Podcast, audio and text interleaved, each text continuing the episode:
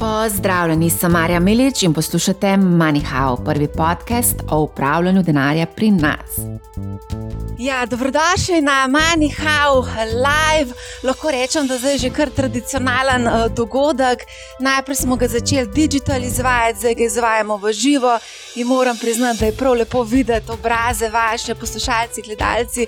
Lepo je priti v stik z vami. Tako da hvala, da ste se danes odeležili našega dogodka. Pripričana sem, da boste izvedeli zelo veliko zanimivih stvari in da vam bodo te zadeve, ki jih boste danes slišali, uh, seveda tudi koristili pri upravljanju pri uh, upravljanju vašega uh, premoženja.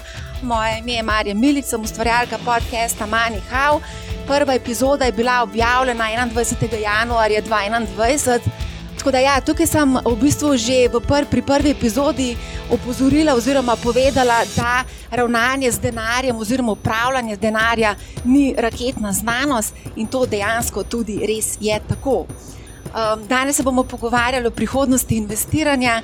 Um, smo ujeti med umetno inteligenco in pa zim zelenimi pravili. Čeprav so ta zim zelena pravila pogosto spregledana, uh, pa lahko rečem, da nekako kar ostajajo z nami že zelo dolgo časa.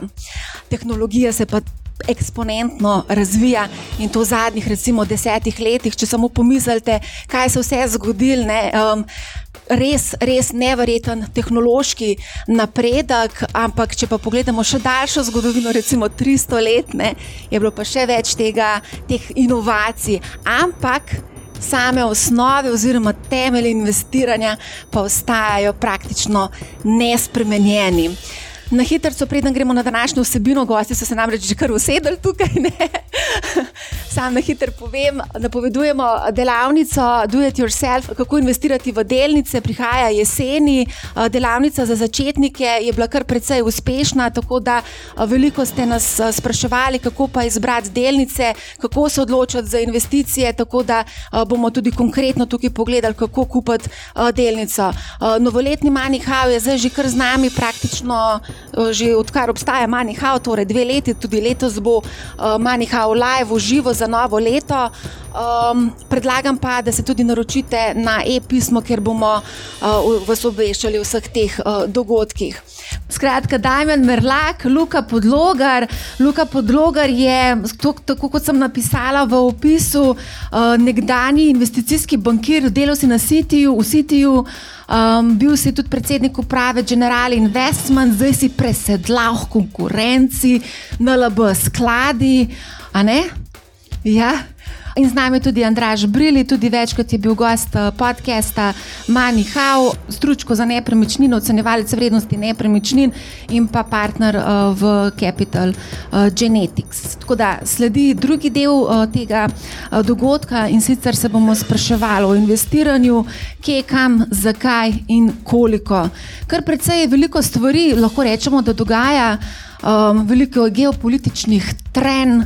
Eh, vojna, uh, centralne banke se borijo zoper podivjano inflacijo, skratka, prevlada kitajske, težave z valutami, v glavnem zelo veliko stvari, ampak po drugi strani pa opažamo, da letošnje leto je bilo relativno kar uspešno na borzi. Uh, letos imamo, je pozitivno leto, če gledamo tako počes. Evropa je bila bolj v plusu kot ZDA um, obveznice so tudi zahtevane donosnosti, kar lepe. Zlato je šlo preko 2000, Bitcoin je poskočil leto za 73%. Tako da tudi en tak lepa rast, ne. šest mesečni v evri boriš, tudi, tudi gor, ne. tako da tudi to je šlo gor. Ne. Uh, mogoče tukaj še eno vprašanje je za uh, Damien tebe. Trenutno v ZDA prihaja do precej hudih, hudih regulativnih uh, pritiskov na kripto. Um, se pravi, da kao, ja, zdaj ne vem, če to čist držino, uh, da pač pritiskajo na kripto, kriptopanogo. Ali bo kripto obstal in če bo v kakšni obliki? Ja, to, je bilo, to, to je bilo za nekoga drugega, po mojem. Ne, piše prav vprašanje za ja, gospoda Merlaka. Ja, ne, sem mislil, da so tvoje vprašanja. Ne. Um, Če bo vprašanje, če bo, ja, če bo obstal ali preživel, ja. Preživ, ja to vred, mislim, to, ali bo kripto obstal in če bo, bo v ja. kakšni ja. obliki? V obliki digitalni.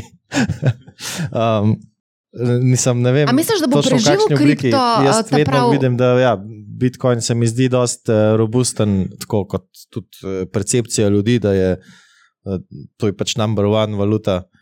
Um, in jaz tudi vidim, da, da obstaja, mislim, da ostaja še naprej na tem mestu, ostalo je pa tako, razburkano morje. Zdaj, nekatere bodo odšle, nekatere se bodo še pridružile tem top nekaj. Zdaj, FTX je propadel, to je bila kar ena tako velika drama. Bitcoin je takrat, mislim, da tudi nekaj upadel, zdaj je prebil od 30 tisoč, pol danes je bil spet mal pod 30, tako stalno nekaj dogaja. vseeno- 28, brez sem. Ja, 28 je bil danes, ko sem gledala, ja, ampak vseeno je, bil- je letos Bitcoin pridobil 73 odstotkov. Enako tudi Meta, sem to kdo te vedel, pa Nvidia, Nvidia je dobila 90 odstotkov, letos je pridobila. Tako da so tudi. precej povezane so vse te. Ja. Um, ja, mislim, zdaj v Ameriki, mis- mislim, da največji pretresi so se dogajali, takrat FTX, takrat se je. Mislim, še kar dobro no, odrezalo cela, cela kriptoekonomija, bi rekel. No. Mislim, bi bilo lahko hujš, glede na to, da je takrat Bitcoin sicer šel do 15 tisoč, pa da je danes zdaj spet na 28. Um, sam jaz se bojim, da, da, da to niso zadnje domine, ki so padle. No. Zdaj, jaz, jaz, ne vem, pač se je to. Marsikdo se to mogoče zdi, se mu bo zdelo čudno, ampak jaz se ne bom čudil, če se enkrat Binance zgodi, kot se je FTX. Ker to, to so samo domine, ki se samo nalagajo in, in ena zaflika drugo, in en ta luknja se nekdo pokrije to luknjo, ki jo zares ne pokrije, ker itak nima sredstva, da jo pokrije, samo reče, da jo je pokril. In, in recimo USDT, ko, ko se tam ugotovi, da tam ni denarja, ki ga skoraj zagotovo ni. Um, Kako lahko rečeš, skoraj zagotovo ni. mislim, drugače bi pokazali, kje je. A se lahko kaj takega zgodi Mislim, tudi jaz bit- tudi poznam te ljudi, no, ki so to ustanovili, pa vem približno, kako funkcionirajo. No. Sej eh, so nas hoteli tudi zraven imeti, ke- pa, pa nismo šli v to zgodbo. A, a se lahko kaj takega zgodi tudi Bitstampu? To pa ne vem. Zdaj, do takrat, ko smo bili mi, bi rekel, mislim, bi si upal, zagotovo se trditi, da ne, ker sem vedel, kako se posluje. Jaz sem dokaj prepričan, da je še vedno približno isto, no? ampak eh, ne moram pa tega vedeti. Preko katerega uh, menjalnice pa ti trguješ? Ja, Binance v bistvu. Takrat, ko, ko, ko, ko, ko redko rabim karkoli pretvoriti. No. Mislim, biti s tem tudi, ampak eh, ne vem, biti s tem eh, je še vedno dokaj omejen v, pri naboru valut, ki jih podpira. Mhm, Katere, s katerimi valutami si pa trgoval, recimo na Binance, pa nisi mogel na Ja, na zadnje sem, uh, ne, sej na za, uh, zadnji trade, ki sem ga delal, je bil v bistvu na Bitstampu, tako da ne vem, zakaj sem zdaj Binance izpostavil, ampak, ampak na Bitstampu sem takrat čez noč pa, panično hitro vse USDC likvidiral za, za BTC, takrat, ko je eh, Silicon Valley Bank propadel in v bistvu USDC imel veliko sredstev na Silicon Valleyju.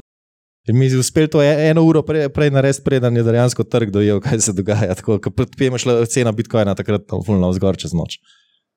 Sorry, zdaj te pa nisem čisto razumela. Lahko še enkrat Imel sem več milijonov uh, dolarjev v USDC, stablecoinu. In uh, Silicon Valley Bank je takrat kolapsnil. Ne? In, si imel na in Binanceu. Nekako se je že špekuliral, da ima USDC, se pravi, veliko sredstev na Silicon Valley Banku.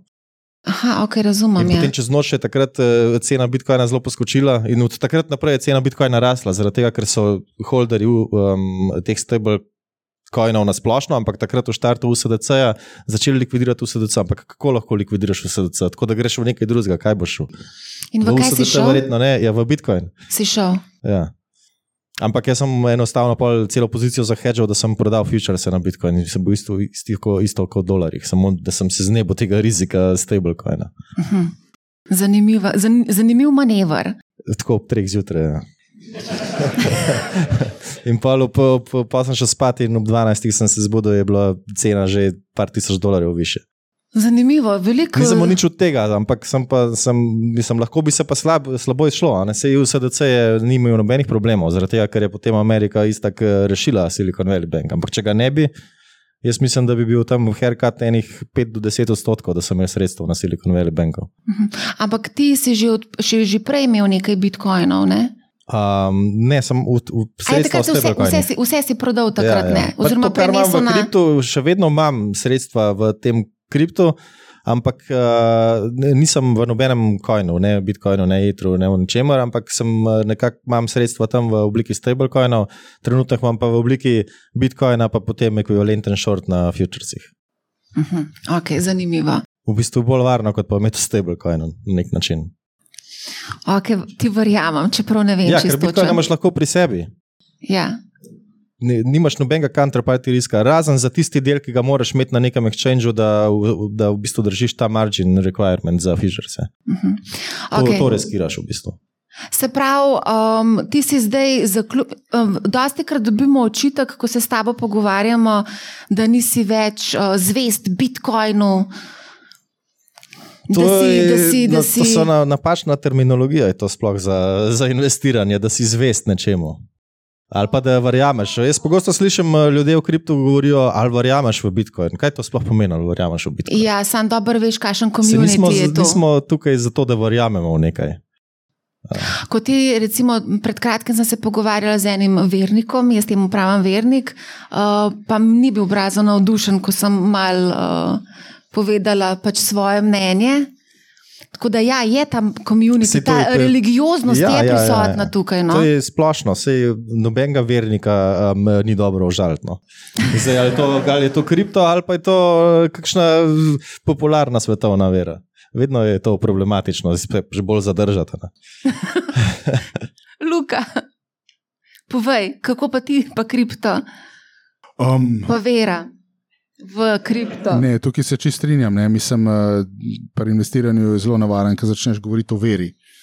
Um, pač kripto je, čist, če pogledamo, vem, učinkovito portfeljsko teorijo, de facto v nekem odstotku nam pomaga pri tem, da lažje dosežemo, pa da dosežemo boljši efficient frontier. Ta odstotek ni prav velik, um, bral sem eno raziskavo, je tam okrog 6 posto. Um, so, sorry, se pravi, čujem, za zlato je bilo šest, za kripto je bilo, za, za, za bitcoin je bilo dva. Um, tako da pač jaz mislim, da nič narobe, če pač imamo ta asset class, sploh zato, ker se mi zdi, da se um, lahko z njim zelo lepo tudi učimo, kako investirati na splošno. Ker sama tehnologija je dosti podobna, kot recimo, če govorimo o kakšnih drugih bolj klasičnih finančnih inštrumentih, ampak um, res bi pa pač tukaj upozoril pred tem, da varujemo v neki. Ne. Um, drugače, jaz mislim, da sicer blockchain, kot tehnologija, tukaj mislim, da I'm preaching to the converted, um, je pač nekaj, kar se vsi strinjamo, da je, ima super potencial, konkretno recimo v naši branži. Um, asset management, um, ko mi čakamo na rešitve na blockchain tehnologiji, in tudi ene so že, spohne področje, recimo, settlementa, uh, se pravi, subscription in pa redemption iz skladov, plačila, izplačila, enih, uh, mislim, obstajajo že fulj zanimivi provideri, ki ponujajo um, pač zelo op zoptimiziran proces uplačil, pa izplačil iz vzajemnih skladov, torej ne iz tradit skladov, ampak iz vzajemnih skladov uh, na blockchain tehnologiji, ki v bistvu čist nekako tiste prednosti ETF-a skoraj zbriše. A to pomeni, da bo potem vzajemni sklad cenovno bolj ugoden? Sigurno ta trend cenovne ugodnosti se bo še nadaljeval v prihodnosti, absolutno. Tudi v Sloveniji. A bo mogel prijeti ta učinek tudi v Sloveniji, sigurno, ja, absolutno. Jaz mislim, da bo tudi v Sloveniji, bo, je, se, mislim, se, se čuti pritisk na FIE. Sej, recimo, če pogledamo, sam populacija v tej sobi verjetno uh, želi imeti cenejše produkte, boljše kot recimo mogoče neka poprečna populacija in ta populacija seveda bo rasla. In mi, kot uh, asset manageri, bomo seveda, smo že danes in tudi bomo tudi prihodne pod vedno večjim pritiskom, kar se tiče upravljalskih provizij. Absolutno. Zdaj, Blaž Brodnjak je en tak revolucionar, on vedno ta prvi naredi neko potezo, recimo ležorine. Ali bojo na LB skladi tudi naredili to potezo, da bodo recimo znižali stroške upravljanja? Okay, to ne, ne morem ta hip uh, komentirati, ampak uh, se pa sigurno zavedamo tega uh, pritiska na FIE. Mislim, že tudi, če pogledamo za neke podobne strategije, tudi pri, recimo, actively managed skladih so v tujini um, pač same upravljalske provizije niže, so pa tudi skali večje. Tam govorimo, recimo, vem, za Global Equity Strategy, so recimo imaš sklad, ki je velik 10-15 milijard. Seveda si pri takem obsegu lahko, uh, pa pa tudi bistveno bolj zoptimizirani distribuciji, ki je praktično čisto elektronska. Seveda si lahko prvošiš imeti provizijo 0,3-0,4. Recimo, na, govorim za actively managed sklad, ne za recimo ETF. Um, tako da ja, ampak eh, ko bo pač tudi zavedanje vlagateljev, ko raste, um, ko tudi sam size industrije raste, pa tudi razvoj distribucije. Ne, ker, by the way, ne, mislim, če, če pogledamo, recimo, vem, um, če pogledamo v zahodnem svetu. Južne ekonomije, Francija, Španija, Italija, tudi, pa, pa to je načeloma razviti svet. Vse fi pri vzajemnih skladih niso kaj dosti različni od slovenskih isto so tako visoki. Pak, zakaj to blokira distribucija? Ne? Distribucija je tisti uh, ključ, ki dejansko uh, pogotne toliko velik tega. Ne? Ni da bi bili zdaj asset manageri dejansko um, neki zlobni. Um, vem, Akumulatorji dobičkov iz enega upravljanja preprostih strategij. Distribucija je tista, ki je najdražji del um, mislim, celotnega stroškovnega ustroja, asset managerja. Ampak distribucija se digitalizira, se to Kako? digitalizira. Sej, se distribucija. Pravim, Vedno bolj, ko bo ta distribucija ratala digitalna. Bolj bodo lahko FI padli. Danes, če pogledamo, da ne bomo se Slovenije dotikali, pogledajmo Španijo, pogledajmo Italijo, torej relativno bogate ekonomije. Skladi se distribuirajo še vedno tako kot v Sloveniji, večinoma preko bank. Če pa pogledamo recimo UK market ali pa pač te anglosaksonske trge, pa pač noben ne kupuje več skladov preko bank, ampak vsi kupujejo sklade digitali. Ne? In s tem procesom, seveda, ko gremo te bolj južne mediteranske ekonomije proti uh, večji digitalizaciji, valjda bodo padali fiji. Absolutno. To je zelo dobra novica. Verjamem, da marsikdo si ne želi investirati preko kakšnih tujih platform in bi si želel investirati preko mogoče vzajemnih skladov. Dosti, kad dobimo ravno ta komentar v smislu, da imaš tukaj nek domač support, ne, nekega sogovornika, ki govori tvoj jezik. Ne. Ja, to je res. Um, sej, ravno to, kar smo se prej pogovarjali o finančni pismenosti. Mislim, ljudje pri nas še vedno, tisti, spoh, ki imajo večji problem, v smislu večjih, večje količine denarja za uh, investiranje, pač pridajo do človeka, ki mu zaupajo. In danes v Sloveniji je to pogosto bankir. In pač tam dobijo finančni nasvet. Dosti krat pa tudi, če bankir da zelo slab na svet, no, ja. recimo švicarski frank, no, če smo lahko natančni. Ja. Tako da se tudi na, na, tako le. Jaz, jaz tako mislim, ne, če greš ti na eno banko, ti bo bankir ponudil točno tiste produkte, ki jih ima na policiji. To je kot, dobro, zdaj bom grdo rekel, trgovina. Če greš ti v salon, ker prodajo samo Mercedesa in boš rekel, da je mi najboljši avto, ki ga imaš, in mogoče Mercedes ni najbolj primeren za tebe kaj boš dobil? Dobil boš Mercedesa, to je fora. Ja, se strinjam s tabo. A boš tako dodal, Damien? Ja, tisto, kar si jim splača. Um, sej, jaz sem se pogosto srečal v tujini, v tujini je to um, zelo razširjena praksa. Da, ko vem, odpiraš kakšne bančne račune, skoraj da moraš kakšno zavarovanje skleniti, tako jih v bistvu podkupiš, da, da dobiš bančni račun. Ne? Ker tam oni zaslužijo, od bančnega računa nimajo nič. Sicer ti nihče tega dejansko v faco ne reče, ne? ampak to je ne napisano pravilo. Ja, se pogovarjaš, se vleče, pa, pa neko brezvezno zavarovanje skleneš tam, kjer oni velike provizije vzjemljajo. Pa pa se zgodi vse, tako je, ni panike. Ja, to je tudi pri nas, se mi zdi, kar praksa. Se prodajajo razne življenjske zavarovanja tudi mladim osebam, ki, ki ga ne potrebujejo. Um, mogoče tukaj še eno zanimivo vprašanje. Um, Kaj so pomembni signali, ko se odločate pri izbiri uh, delnic oziroma naložb vzajemnih skladov ETF-ov, nepremičnin? Na kaj ste pozorni, vsi trije? To je pač vprašanje z publike. Lahko pa začnemo po Andražu najprej. Ajde, Andraž, povej, kako, kako ti gledaš na to? Pri investicijah um, v nepremičnine mislim, da je treba biti zelo pozoren. Um, prvič na, na pravno stanje, ne, same nepremičnine, um, da je to vse urejeno. Um, po drugi strani pa jaz vedno svetujem tisti, ki, tistim, ki se odločajo v, v same nepremičnine, um, da omogočajo nek uh, denarni tok, ne, nek stabilen denarni tok, ne, uh, in da so sorazmerno uh, dobro likvidne. Ne. Uh, Marsikdo se vidi velike donose v, ne vem, naprimer, uh, v nakupu nekateri, nekih zemljišč, ne, si obeta velike zaslužke pri preprodaji zemljišča, pa pri pridobitvi gradbenega dovoljenja in izvedbi projekta, ampak doskrat naletijo na ogromno uverjene in v bistvu to premoženje lahko hitro rata zelo uh, nelikvidno in čisto donosno. Ne. Tako da tukaj je predvsem za neke manjše, mislim, za manjše vlagatelje, za, za fizične osebe pomembno, da kupujejo nepremičnine, ki so likvidne, ki so pravno urejene in ki omogočajo nek donos v, skozi najemnino. In, in eh, mislim, da je to nek recept, ki, ki, ki funkcionira. Ne. Um, um, Luka, mogoče kako kupiti vzajemni sklad, kako izbrati uh, vzajemni sklad, recimo, ja. kam imaš cel kup enih vzajemnih skladov, različno razpršenih, imajo na različne ložbene politike, različno tvegani. Tukaj so konec koncev imamo tudi kar nekaj, da zaujo, kako sploh izbrati, da vrto ne morete odgovarjati. Ne, ne, sej je vprašanje zelo na mestu, um, pa mogoče ga, da imaš še raj malo generalizirati, ne, sploh pustimo produkte, uh, konkretne, recimo, ampak dajmo se sploh najprej vprašati, če zdaj začenjamo vlagati, kako sploh uh, naj svoj denar razporedimo. Ne? Je treba začeti z nekim, pač, um, neko sposobnostjo prevzemanja tveganj, pa neko, nekim apetitom do prevzemanja tveganj. To je prvo vprašanje, ki ga pač moramo razrešiti. Zdaj, tukaj govorim čisto o njih.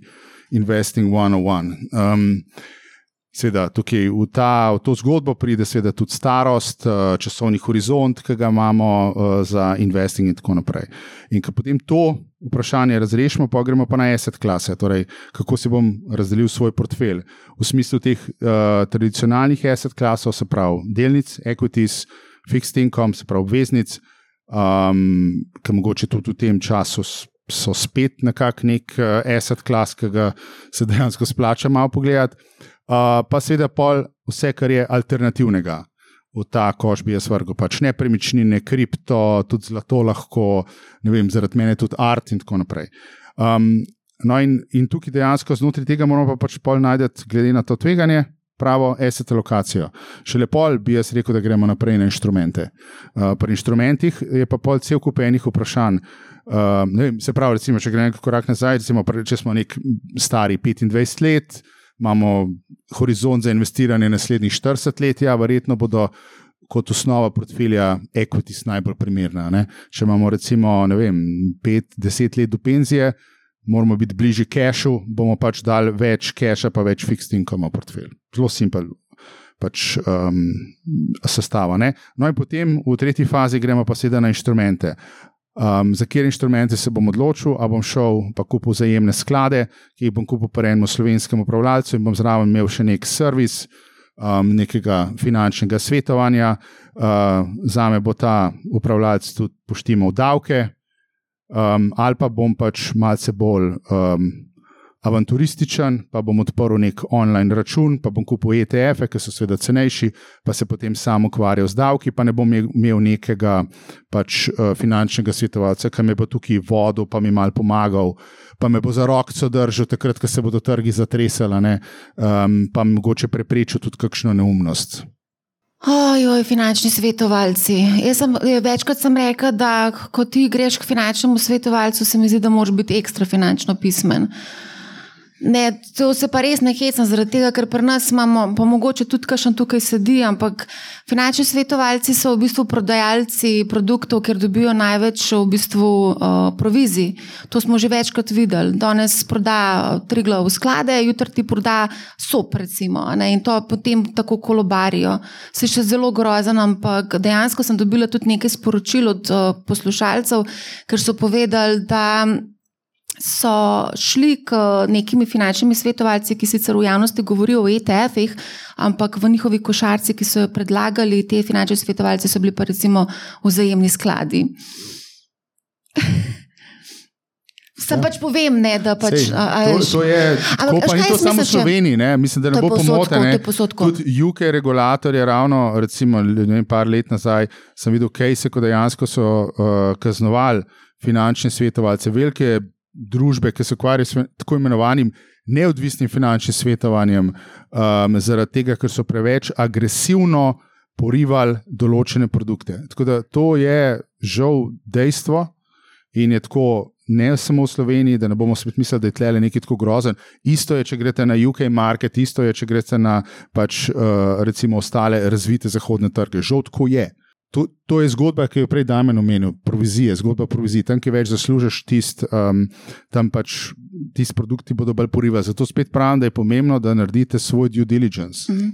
Mogoče tudi to lifestyle, ne, kako živiš, ko se odločiš za neke investicije. Recimo, če delaš po 10-12 ur na dan, verjetno si težko vzameš čas za to, da ti delaš due diligence in delaš domačo nalogo, ki jo skozi omenjamo v podkastu. Um, zato mogoče iščeš neke, neke, neke produkte, ki so nekako automat, avtomatizirani. Misliš robo? Recimo, ne samo robo, konkretno tukaj, recimo, zdaj ne vem, zakaj bom to sploh izpostavljal, ampak recimo konkretno pred Trade Republic eh, dejansko res imaš avtomatski nakup ETF-a. Tako da to ti to predvsej olajša življenje. Eh, Daj mi povej, avtoma, avtomatizem, robotizem, ko govorimo že, a ne. Uh o tehnoloških prej ste, inovacijah. Ja, prej sem slišal, da ste se pogovarjali, če bodo, če bodo enkrat vsi ljudje imeli bota. Eh, svojega bota. Ja. In pa sem jaz razmišljal, da um, se to potem po, poruši nekako namen tega, ker je dobro, odvisno zdaj, kaj ta bot dela. On verjetno za neko normalno porabo bi lahko nek tak trading bot uh, mogoče um, držal določene procente alokacije vem, na posameznih delnicah ali pa na različnih inštrumentih, toliko obveznice, toliko delnice, toliko kripto, whatever. To ok, ampak ljudje si predstavljajo bote tako, da ti nekam daš nek denar in zdaj nekdo melje in dela več denarja. Um, to je tega je zelo malo. Um, v praksi je zelo malo tega, ki deluje. Na internetu je veliko uh, velik tega, kar se ponuja, ampak Jaz mislim, da bolj tako razmišljajo ljudje v smislu trajnika. Da se pač nekaj od trga nekam okay, naloži, ni, pa da se potem ja. plemeniti čistko simpel. Dobro, to je trajnik za vzajemni sklad. Uh, to narediš ETF, in to recimo, konkretno. Vzajemni skladi dejansko tako funkcionirajo in konkretno tukaj v tem primeru, ko sem omenila tudi uh, lahko z ETF-i, vrčevalni načrt. Okay, ja, to je čisto uredu produkt, to je čisto en lep, honest produkt. Pogledaš, kakšni so stroški pri vrčevalnem načrtu, z tvojega uh, računa se odplahne vem, 100 evrov, 150, 50, koliko si pač lahko prvošeš in pač pozabiš na to in se tudi navadiš živeti brez tega denarja in tega ne pogrešaš, istočasno pa investiš. Jaz mislim, da za, tako, za entry level, za to, da se naučiš vlagati, je to produkt, ki ga moraš kupiti včeraj. Pa ne samo, včeri. da se naučiš vlagati, jaz mislim, da je to lahko ena dobra, dober temelj. A, a veš? A veš, kaj ta avtomatizem je po mojem fullu redu za to. Ker um, kaj ljudje vedno rečejo, ko recimo vsak kupuje nepremičnine, ne, ja, vsaj izgubo ne bom tukaj. Ne na delnicah pa lahko propade, vse zgubiš, vse gre. To je zdaj neka psiha. In uh, največji problem, ki ga ljudje imajo pri delnicah, je to, da lahko vsak dan vidiš, koliko je neka delnica vredna. Ko pa ti kupiš nepremičnino, je ta nepremičnina lahko čez en teden bistveno manj vredna, realno, od tega, kar si ti dal. Ampak noben nima tega občutka, ker ni v časopisu ni napisana vrednost tvoje nepremičnine vsak dan. Za delnico pa je. Ne? In potem ljudje vidijo, ko gre gor, eh, so veseli, ko gre dol, so depresivni. In eh, vsak dan eh, je potem uh, ta, to valovi, ne, gor dol. Um, če pa ti imaš nek trajnik, pa nek avtomatizem, pa neko zajemni sklad, pa če mogoče to na začetku gledaš, potem začneš to malo ignorirati, ne spremljaš več. In da v bistvu ta volatilnost trga ne, um, ne meče več iztira lahko na dnevni ravni, tako kot uh, marsikoga, ki mogoče to vsak dan gleda, pa ni navaden tega. No. Mhm. Ja, ta v bistvu produkt ti da disciplino, da si investit. Ker tako, največji problem, kot sem prej omenil, ki ga imajo mali vlagatelji, da niso investit. Ali pa da skačajo, kakšni ne, uh, prav, uh, da hoče tajmat trg, kar pač dokazano po behaviorističnih financah doesn't work. Ne, pač ne, ne funkcionira ta zadeva, um, in, in v bistvu če hočeš, če nimaš te discipline, da si investit in da si investit na long term, pa probaš neki time at market, se pogosto zgodi, da zamudiš. In uh, po čisto empiričnih raziskavah, se pravi, mi vsi nekako imamo. V glavah, da je equity market long term 7 plus odstotkov, nekako bo moj letni donos. No, če samo 0,1 odstotka tistih dni v tem dolgoročnem obdobju nisi invested, tistih najmočnejših dni, se tvoj donos iz teh 7 plus zmanjša na približno 4. Če pa en odstotek teh dni nisi invested, veš, koliko je, donos teh ta, ta dobrih dni, minus 4. Tako da, Pa en odstotek sta v bistvu tri dneve v letu. Exactly, ne, točno to. Še manj, dva in pol. Ja, delov, tako, ne? in, in ti dejansko moraš biti invested, zato da ujameš vse tiste dneve, kjer se market tako premakne, da v bistvu ti generira večino tega donosa.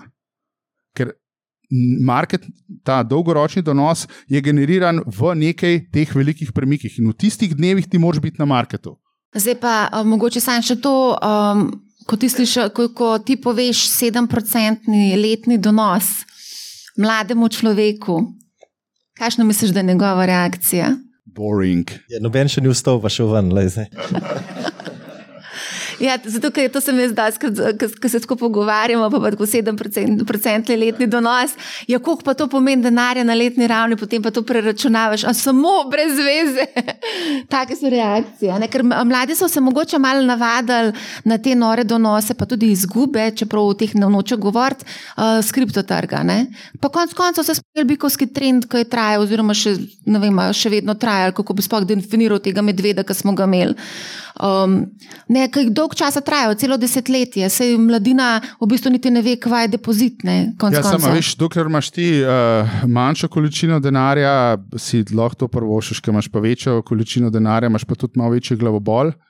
Uh, če, in se s, s tem grojem, večjim delom svojega portfelja, prihrankov, težko pregaranih prihrankov, malo težje tako igraš, da bi kar vse zdaj stavil na neke tiste visoko donosne stave, na nek kripto. Ne? Recimo, zato je pač moraš del tega svojega portfelja, ki ga imaš, lokinat v neke malce manj donosne, ampak bolj, bom rekel, recimo varčne, varne ali pa malce manj volatilne naložbene oblike.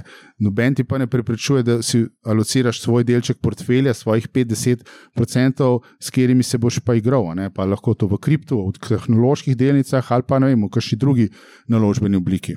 Um, Sem vsekakor, jaz to spodbujam, go for it, the best. Čim več si na marketu, tem boljš, sam pač ne delati neumnosti. neumnosti smo vsi delali, Luka, tudi ti. Tudi jaz, ne. tudi jaz. Tako da neumnosti so dobro, learning tool je to, en odličen learning tool. A ima še kdo kakšno vprašanje, mogoče, ki bi ga živo hotel postaviti? Lahko kar pogumno vprašate, karkoli. Zdaj smo tukaj. Eno vprašanje tukaj, eh, Damien, spet za tebe. Eh, Kje bo Bitcoin? Kdaj? Kje, uh, kje in Višje. kdaj? Pa Če je brez, če je brez datuma, pa rečem više. od trenutnih 28 Ja. do kam? Ker to je tako logično, sej že inflacija ga bo eventualno postavila više v absolutni številki. Ampak ja, ja, ne, jaz mislim, da, da, da, da gremo niže, preden bo više. Ampak jaz zdaj, ti si, ti si lih, lih kar si rekla, da je v bistvu. Um, Da, da smo zdaj že v novem bikovskem trendu, jaz nisem tega mnenja. Ne, si, ne vem, če sem bi- da smo v novem Ja, ne, bikovskem rekla si, da, da, ampak da, da ta nisem čisto medved pre- je bil neki Ne vem- in, ne um, vem, to če je že konec tega namigoval, da- medveda. Ja, A je že Ne, konec? ne, nisi rekla, da ne veš, če je že konec. Aj, okay, se pravi, čujem, moram, vse se bom poslušala. Da je bil mini. A da je bil mini. Ja, se A, pravi, drug- da je že konec. Ja, mogoče. Ja. Sej Ja, no, imamo, že letos imamo da kar ne, lep ja. odboj na trgu, tako da ne vem. Ja, Jaz se je- sprašujem, ali je bil to sploh medved, ali je bil to medvedek, Si pravi, da ga ni konec. a da ga ni konec. Ti praviš, da ga še ni konec. Tukaj je še eno je vprašanje. mnenje, Tukaj je še je- eno vprašanje, ko govoriš o medvedu. Kdaj bo konec trenutnega medvedjega trga? Poglej v svojo kuglo, v deževalsko. Zdaj, če, okay, če tako govorimo. Tako, čez pavc, tako kot veste, v meni Ja, letos kolega. ne, jaz bi rekel, da letos ne. Kolega, ki sicer je urednik eh, bosanske redakcije Bloomberg Adrija, pa ga jaz vprašam, ti Rijad, uh, kakšna je inflacija v, v Bosni? Uh, Danes 16-17 procentov, tako malce čez pavc, v Bosni imajo malo probleme z, z statistiko. Ampak ja, eh, povej, povej, do konca leta bo še trajal. Jaz mislim, da ja. Se pravi, a je zdaj čas v tem medvedu za investicije, za vstop na trg, bi ti še čakal, da se zgodi še kaj malo bolj dramatičnega? Ne, zdaj, če nekdo želi investirati, potem lahko počaka še mesec, dva, če se zdaj kaj zgodi, ker zdaj smo res na, na vrhu tega, a ne, recimo zadnjega leta. In zdaj en mesec te ne ubije, no, če še počakaš. Ampak, okay, zdaj, če, če, bo pa, vem, če bo pa poleti še vedno tako, kot je, pa, pa brez veze čakati še naprej. Pa pa, pa, pa, očitno, pa pa očitno tega finančnega sistema ne more nič več pretresti, ne glede na to, kaj se zgodi. Lahko tudi eh, vesolci pridajo, pa bo še vedno bolj market. Vse so bili tam neki, a niso bili tam meni vesolci po Ameriki, so neki letali, kaj ja, je že. Pa market še vedno plusov. Ja. Luka, da ti povej, kje bo Bitcoin najprej? Zdaj, trenutno je prvo 28, menda. Kje vidiš, da bo to, do konca leta? Um, hm. Mislim, Bitcoin se je v teh uh, zgodbah nekako mečkan pokazal kot neko sredstvo, kamor preplašeni vlagatelji uh, premaknejo del svojega premoženja. Pod, ne enako kot zlato, ampak malce v to smer. Um, zdaj, um, te safe haven asseti, recimo v razmerah, ko grem, grem korak nazaj. Se pravi, recimo, kje, kje se zdaj nahajamo v smislu breznih mer. Um, Prej sem govoril, da smo v Ameriki verjetno nekje na piku, v Evropi imamo, rabimo še mečkam, da pridemo do tega pika, ampak nekako se zdi, da na fixed income marketu recimo smo nekje dost uh, na vrhuncu, kar se tiče yieldov, se pravi po obveznicah. In tudi, če pogledate krivuljo, se zdaj nahajamo v situaciji, ko je ta krivulja yield curve, ne, pri obveznicah je, temu rečemo, inverted, se pravi, obrnjena. Torej, tiste uh, zelo kratkoročne donosnosti so više od dolgoročnih v bistvu, donosnosti, kar je malo v bistvu anomalija. Ne. Na finančnih trgih se pa to seveda dosti pogosto ta anomalija zgodi. No, in zdaj to pomeni, um, če privzamemo, da bodo yieldi zaradi tega, ker bodo obrestne mere, če smo zdaj nekje blizu pika, polo prihodnosti padale, če bo prišlo do neke, recimo, milejše oblike recesije, a, ki se nakazuje ne, v Ameriki, sicer še bolj kot v Evropi, potem bo oportunitetni strošek tega, da nisi investan v recimo zlato pa Bitcoinu, nižji. Kot pa recimo je bil vem, pol leta nazaj. Tako da načeloma za safe haven asset to lahko pomeni mečkaj celo pozitivnega um, drive. Ampak prav veliko je tukaj nekega premika več pri teh uh, tako imenovanih safe haven assetih ne vidim. Pa tudi še enkrat ne, ne smatram Bitcoina kot nek blazno močen safe haven asset, da ne bo kdo to narobe zastopil. Um, Drugač pa um, na splošno, glede mark, equity markete, se seveda zadeve zelo težko um, napovedovati. Uh, vse je odvisno od tega, kako, bo, kako bo izgledala ta recesija, ki se zdaj nekako obeta. Ali bo to skoraj ne recesija, v smislu enega soft landinga, ali bo to mila recesija, ali bo dejansko mogoče bodo centralne banke čist obsedene s to. Cifro inflacije pa bodo dejansko zabile tisto obrestno mero bolj gor, uh, in seveda tudi zabile potem gospodarstvo bolj dol. Ker če se bo to zgodilo, potem uh, je to sigurno negativen uh, pritisk za equities. Če pa dejansko smo na tem, da bomo tako zelo zlahka ven izplavali, uh, da recimo dobički ne bodo teh firm preveč. Um, trpeli se pravi, da na earnings per share ne bomo imeli nekih preveč negativnih presenečenj, Um, potem se dejansko, če bomo šli spet v neko malce bolj ekspanzivno ali pa rahlo ekspanzivno monetarno politiko, v bistvu lahko eh, je ta uh, drive na, na equity rahlo pozitiven, ker se bo verjetno zgodil multiple expansion. Zdaj smo šli, če pogledate, pije nekje 20 posto približno dol um, lanskem letu 25, ne, tako da neki place tukaj na sami valuaciji je. Je pa spet vprašanje, kako se bo eh, ne, uh, te igre med IPS-om in samo diskontno obrestno mero. Ok, se pravi, mah, ne vem, če se zakomplicira, ampak če smo dolgoročni vlagatelji. Če smo dolgi, dolgoročni, e, e, eno, eno stvar. Ne, če, smo, če smo dolgoročni vlagatelj, kaj je pomembno, mogoče ena zadeva da smo pred uh, recesijo investirali v equity. To je tako, tudi če pogledamo, ena ključna determinanta dolgoročnega donosa. Tako da um, zdaj recesija je pred vrati, tako da je mogoče z tega vidika smiselno ne, razmisliti o tem, da gremo zdaj noter v equity. Težko bo zadevo čist pravilno tajmati, uh, na kratek rok je možno tudi kaj tukaj izgubiti, ampak pomembno je, da se pol pelemo gor po krivulji. ker dno je zelo težko zadeti. Pa vrh tudi. Ta, absolutno. Ja. Um, Andraš, boš ti povedal še, kako bomo kupovali nepremičnine? Ja, se, v bistvu na nepremičninskem trgu tega medveda sploh še ni, ni še prišel iz gozda, ne, da bi začel lomastati okrog. Kar sam kaže to, kar smo danes že ponovili, ne, da ima nepremičninski trg relativno velik zamik, preden se karkoli zgodi. Delniški trgi so odreagirali, padali, pa so zdaj že spet prišli nazaj, pa se zdaj čaka, uh, kaj se bo zgodilo z gospodarsko sliko.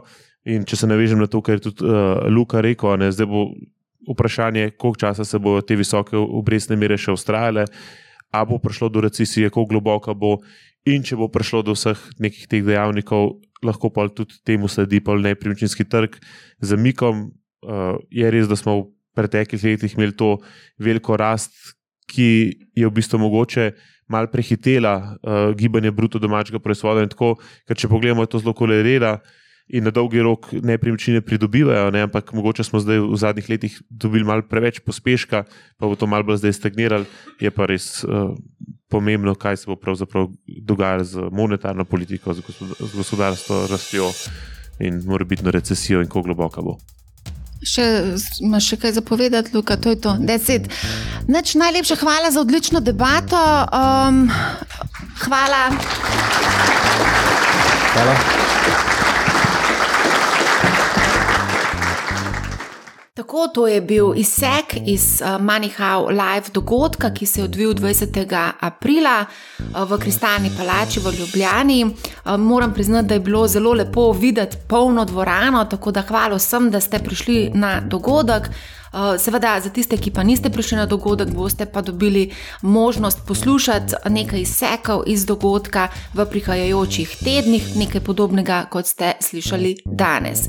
Eh, še enkrat naj vas spomnim, da pripravljamo jeseni delavnico za investiranje v delnice, eh, hkrati pa pripravljamo tudi posodobitev aktualne delavnice in sicer Do It Yourself, se pravi investiranje za začetnike, kjer bomo dodali nekatere novosti. Vsi tisti, ki ste seveda že kupili kupili to delavnico, boste dobili tudi posodobitve v vašem oblaku. Toliko za enkrat z moje strani. Želim vam prijeten dan, prijeten večer ali pa prijetno dobro jutro oziroma jutro in pa seveda se slišimo ob naslednji priložnosti. In za konec, poslušajte Manihau, ne bo vam žal, lep pozdrav.